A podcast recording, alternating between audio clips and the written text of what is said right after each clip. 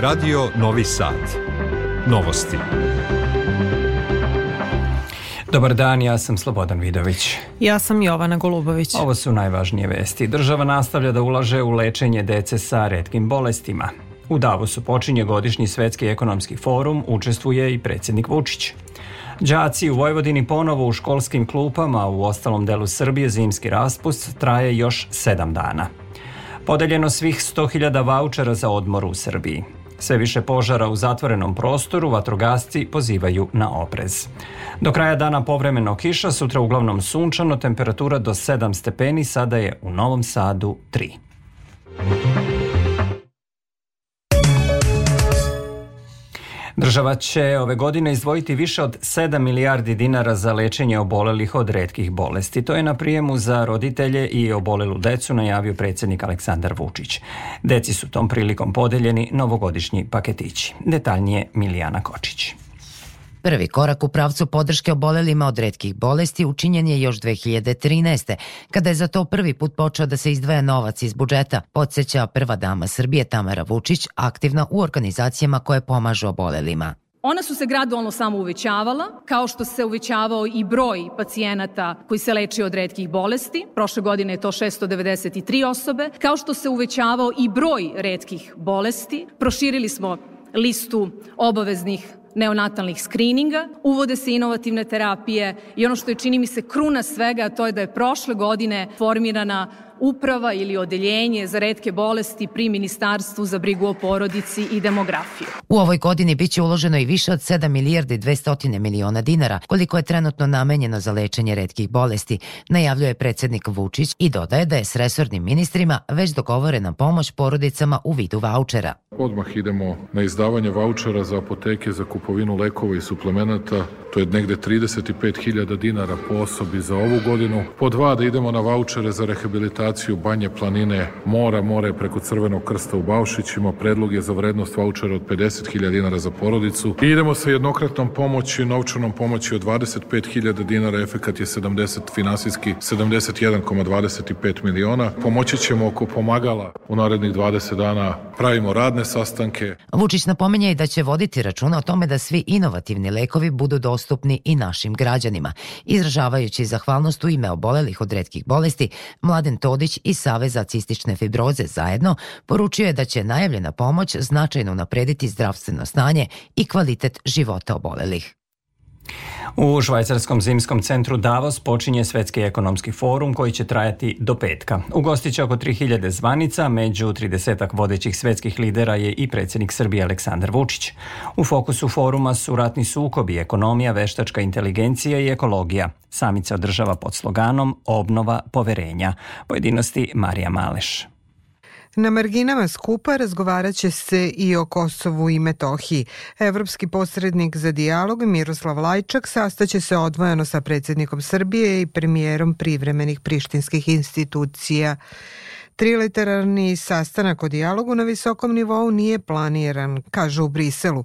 Specijalni savjetnik ministra odbrane Predrag Rajić ocenjuje da na tom sastanku može da dođe do novih pritisaka na Beograd. Mislim da će pritisaka sigurno biti, ali da je velika i važna vest činjenica da je predsjednik Vučić u Davosu, da će tamo razgovarati sa važnim svetskim zvaničnicima i da je to još jedna vrsta priznanja srpskom rukovodstvu da uprkos dakle, geopolitičkoj poziciji u kojoj se nalazimo, koja nije zavidna, uspevamo da istrajemo i dalje dakle, na toj spoljnoj politici balansiranja pre svega. Da u Davosu možemo očekivati veći pritisak za rešavanje pitanja Kosova i Metohije smatra i Dimitrije Milić iz organizacije Novi treći put koji dodaje da postoji želja da se još nešto sprovede do izbora za Evropski parlament u maju. Ne treba imati iluzije da će kosovsko pitanje biti bitno u kampanji za Evropski parlament, ali će biti bitno u kontekstu službenika koji su se bavili, bavili ovim pitanjem i onoga što su njihovi rezultati u krajnjoj liniji zbog nekog eventualnog daljeg napredovanja u evropskoj hijerarhiji. U Davosu inače zvanična obraćanja počinju sutra kada je i planirana debata o proširenju Evropske unije.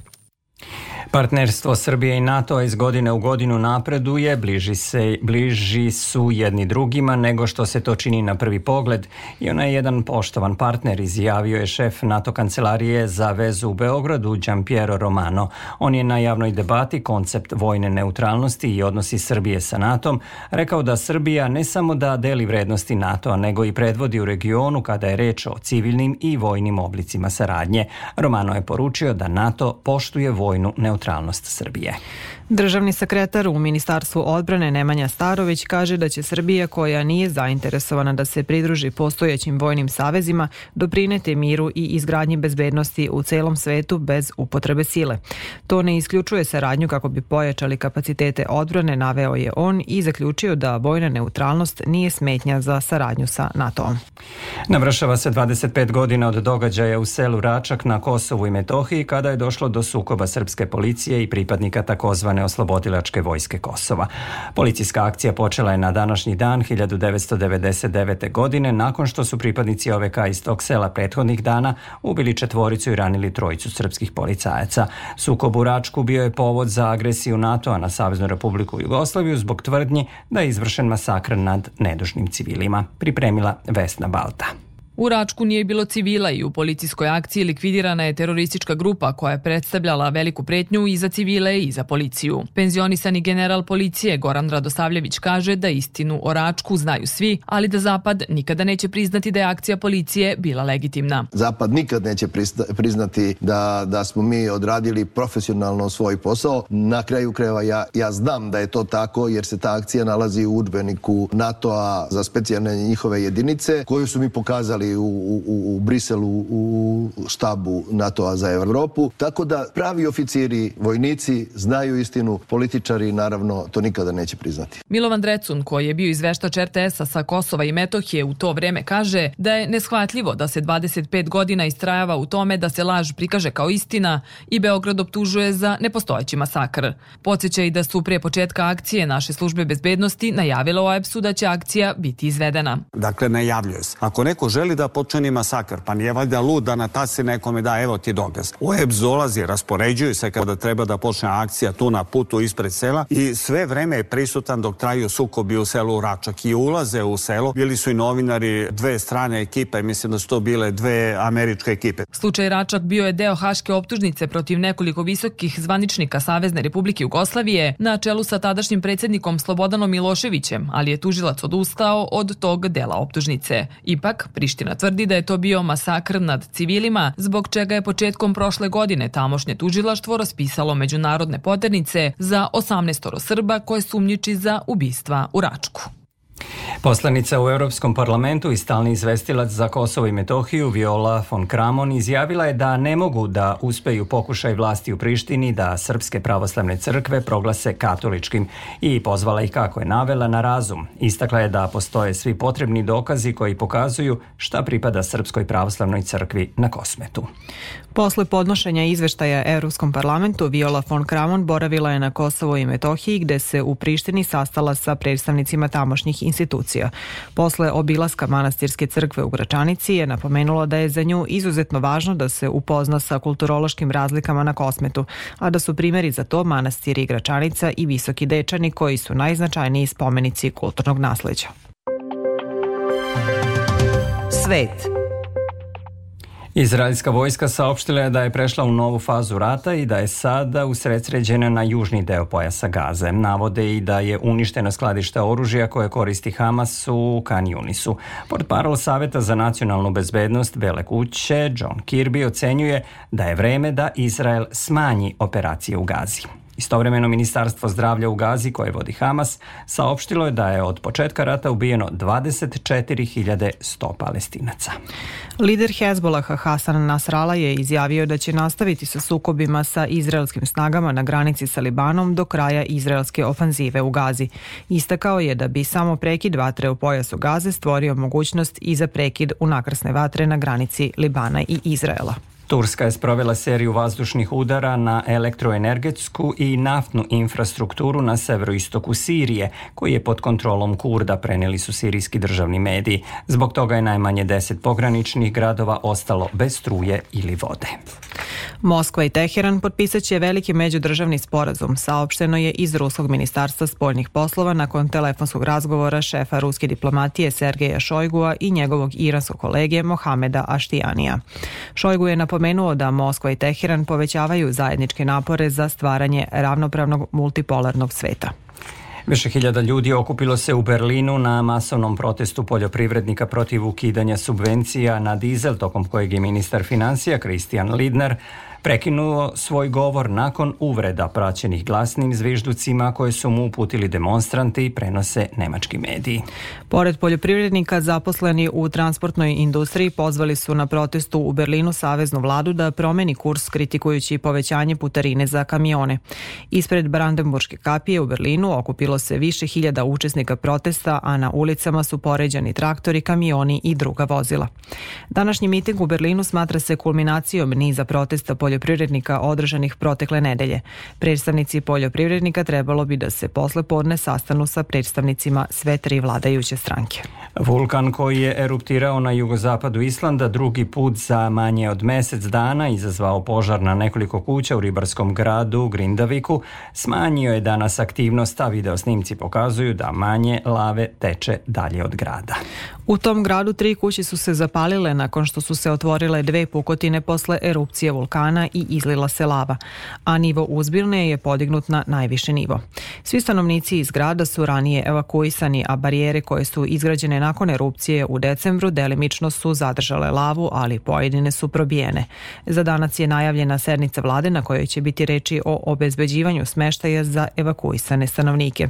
Na Islandu su aktivna 33 vulkana. Još jedna vest iz sveta, najmanje četiri osobe su pokinule u snežnoj oluji i hladnom arktičkom talasu sa rekordno niskim temperaturama koje je pogodio delove Sjedinjenih američkih država. Temperatura u američkim saveznim državama Montani, Južnoj i Severnoj Dakoti spustit će se na 50 stepeni ispod nule. Prognozirano je da će hladni talas potrajati najmanje do sredine sedmice. Desetine hiljada ljudi na severozapadu Sjedinjenih američkih država ostalo je bez struje, a snežna mećeva pogodila je jug i severoistok zemlje. U američkoj državi Teksas državni operator električne mreže apelovao je na stanovnike da štede struju jer je zbog hladnog vremena zabeležena rekordna potrošnja. Zbog nevremena su otkazani mnogi letovi širom Sjedinjenih američkih država. Ovo su novosti prvog programa radija Radio Televizije Vojvodine. Jedna od dominantnih tema jučerašnjeg sastanka premijerke u tehničkom mandatu Ane Brnabić i predstavnika poljoprivrednih udruženja je upis parcela koje su u zakupu u sistem e-agrara. O tome Đorđe Simović. Iz vlade u tehničkom mandatu najavljuju brzo raspisivanje konkursa za subvencije i brzu isplatu novca. Problem je sa parcelama koje su u zakupu, a koje se sada ne mogu upisati u elektronski sistem e-agrar. Nedeljko Savić iz udruženja Stig iz Požaravca kaže da je postignut dogovor da nova vlada predloži zakon koji bi usvojila Skupština, a koji će omogućiti da dobiju subvencije za parcele koje zakupljuju. Dobit ćemo formu izjave gde se mi obavezujemo da pismeno, pismeno odgovornošću da radimo te parcele. Na te parcele ćemo uh, imati, uh, imati pravo da naplatimo subvencije, znači koje nam pripadaju kao obrađivačima te zemlje. Zakonom će biti povećana i odgovornost onih koji izdaju poljoprivredno zemljište. Ono što je novina, uh, novim zakonom biće propisano da vlasnici zemljišta koji ne obrađuju zemljište biće obavezi da prave ugovor sa zakupodavcima tog istog zemljišta. Dakle, vlada Srbije planira donošenje zakona kojim će se regulisati upis spornih parcela u e-agrar. Naime, onaj ko obrađuje zemljište moći će pod krivičnom i materijalnom odgovornošću da unosi sporne parcele u e-agrar. Umeđu vremenu morat će da potpiše ugovor o zakupu sa vlasnikom zemljišta. Za te naknadno ubačene parcele biće posle donošenja zakona objavljen novi javni poziv. Na taj način će moći da se prijavljuju sporne parcele u naredne dve godine. U tom roku treba da budu rešeni svi pravni problemi oko tih parcela. Za đake osnovnih i srednjih škola u Vojvodini počelo je drugo polugodište, dok za učenike u ostalom delu Srbije zimski raspust traje još nedelju dana. Prema rečima stručnjaka, dobra vest na početku drugog polugodišta je da će do kraja školske godine biti više pauza za odmor. Sledeća prilika za to je krajem marta. O tome Biljana Kuriš. Školski raspusti su veoma korisni za nastavak škole, smatra pedagoškinja Elvira Stefanović i dodaje da sada sledi kratko prilagođavanje i suočavanje sa novim izazovima. Ako su deca bila napolju i uživala, to je najbolja moguća vest, zato što je raspust vreme kad deca treba da se odmore, kad treba da nekako se relaksiraju, a sad polako treba da ovih par dana, tako kažem, hvataju priključak, da se polako zagrevaju, posebno osmacima koji razmišljaju upis u srednju školu, da polako naprave neki plan, neku strategiju, šta je ono što treba da pojačaju, šta je ono što treba da intenziviraju, gde su bili dobri, gde treba da zadrže taj tempo rada. Prema pravilniku o školskom kalendaru za osnovne i srednje škole u Vojvodini, sledeći raspust je prolećni od 28. marta do 3. aprila, a završni ispit za osmake planiran je od 17. do 19. juna. Centar Ministarstva odbrane u Novom Sadu od danas počinje uvođenje u vojnu evidenciju regruta rođenih 2006. godine. Biće upisani i regruti starijih godišta, oni koji su rođeni od 1994. do 2005. a koji do sada nisu uvedeni u vojnu evidenciju i to državljeni Srbije sa prebivalištem na teritoriji nadležnosti Centra Ministarstva odbrane u Novom Sadu. Prva ovogodišnja kvota od 100.000 vouchera za subvencionisani odmor podeljena je za samo 4 sata. Udruženje Moja Srbija uputilo je poziv vladi da već u narednim danima pusti u opticaj dodatnih 150.000 vouchera, čime bi značajno bile zadovoljene potrebe zainteresovanih građana, saopšteno je iz tog udruženja. U sistemu dodele vouchera učestvovalo je oko 4400 ugostitelja širom Srbije, a najveće interesovanje bilo je za banjske centre, pre svega za Soko banju i Vrnjačku banju, banju, a potom za Zlatibor kao planinski centar. Vrednost ovogodišnjih vouchera je duplo veća i iznosi 10.000 dinara, a krajnji rok za njihovo korišćenje je 20. novembar. Policija u Somboru spasila je dve devojčice koje su juče šetale po zaleđenom jezeru u Bačkom Gračacu i upale u vodu. Iz MUPA apeluju na građane da zaleđene vodene površine nisu mesto za igru i da poštuju pravila ponašanja kako ne bi ugrozili svoju i tuđu bezbednost. Klizanje i šetnja po zaleđenoj vodi nije bezbedna i može biti veoma opasna, upozoravaju u MUPu. Zimi su učestali požari u zatvorenom prostoru zbog čega vatrogasci imaju sve više posla. Zapušteni i neočišćeni dimnjaci i kvarovi na instalacijama najčešći su uzroci požara. Opširnije Marko Brajković. Od početka godine Vatrogasno-spasilačka brigada u Novom Sadu imala je 65 intervencija, dok je na teritoriji Srema zabeleženo 75 slučajeva gašenja požara u zatvorenom. Nadležni apeluju da se redovno proverava ispravnost dimnjaka i peći na čvrsta goriva kao i kablovi električnih uređaja. Građani Sremske Mitrovice kažu da poštuju preventivne mere vatrogasaca. Bome treba brinuti. Neki dan nam je utičnica glavna u peći počela da govori da nismo bili u kući a blizu je zapaljiv materijal, kauč leže i tako, moglo je doći do svega. Strašno je, pogotovo ođaci, peći i to. Kad napuni telefon isključim ga uređaj ove električne ne koristim toliko.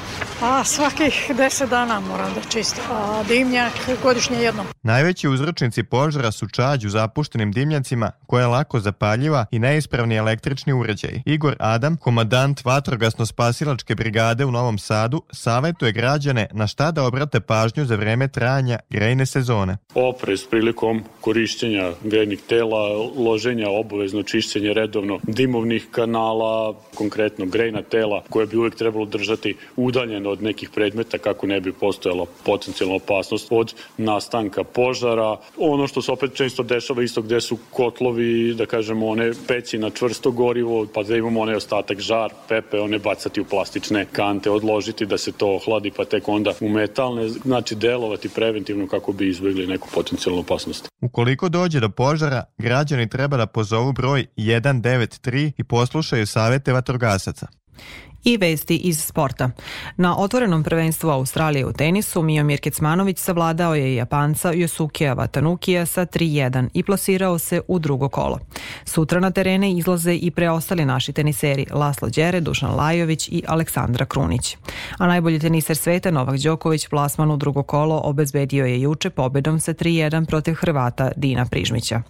U poslednjoj utakmici 16. kola regionalne ABA lige košarkaši Partizana od 18 časova gostuju u Zagrebu ekipi Cibone. Još jednom podsjećamo na najvažnije vesti. Država nastavlja da ulaže u lečenje dece sa redkim bolestima. Ove godine za te namene biće izdvojeno više od 7 milijardi dinara. U Davosu počinje godišnji svetski ekonomski forum, učestvuje predsednik Vučić. Đaci u Vojvodini ponovo u školskim klupama, u ostalom delu Srbije zimski raspust traje još sedam dana. Podeljeno svih 100.000 vaučera za odmor u Srbiji. Do kraja dana povremeno kiša, kažu meteorolozi, evo prognoze za sutra i narednih nekoliko dana. U Vojvodini utorak iznad većih dela pokrajine pretežno sunčano, samo još ujutru na jugu umereno oblično, ali bez padavina. Vetar slab do umeren zapadni i severozapadni, posle podne je uveče uskretinu nego istočni. Najniža temperatura od minus 3 do 0, a najviša od 5 do 7 stepeni. U Vojvodini u sredu i četvrtak vetrovito i osetno toplije uz naoblačenje. Maksimalna temperatura u sredu i u četvrtak iznad proseka za ovaj deo godine. Kiša se povereno očekuje od srede uveče. Tu već umeren jak južni i jugozapadni, a u košarskom području jugoistočni vetar sa udarima olujne jačine na jugu Banata. Za radio Novi Sad, meteorolog Miodrag Stojanović. Slušali ste novosti prvog programa radija Radio Televizije Vojvodine. Ovu emisiju možete da slušate odloženo na sajtu rtv.rs gde su i sve važne informacije iz zemlje i sveta. Emisiju tonski realizovao Novak Vasiljević, producent Branislava Stefanović. Pred mikrofonom bili Slobodan Vidović i Jovana Golubović. Sledi Radio Sport pa vesti u 16 časova. Nakon toga možete slušati emisiju Žena u kutiji u kojoj ćemo govoriti o ekonomskom nasilju prema starijim ženama. Biće predstavljen i podcast koji priča priče o hrabrim ženama iz različitih oblasti, od poslovnog sveta preko nauke do umetnosti. Ostanite uz Radio Novi Sad.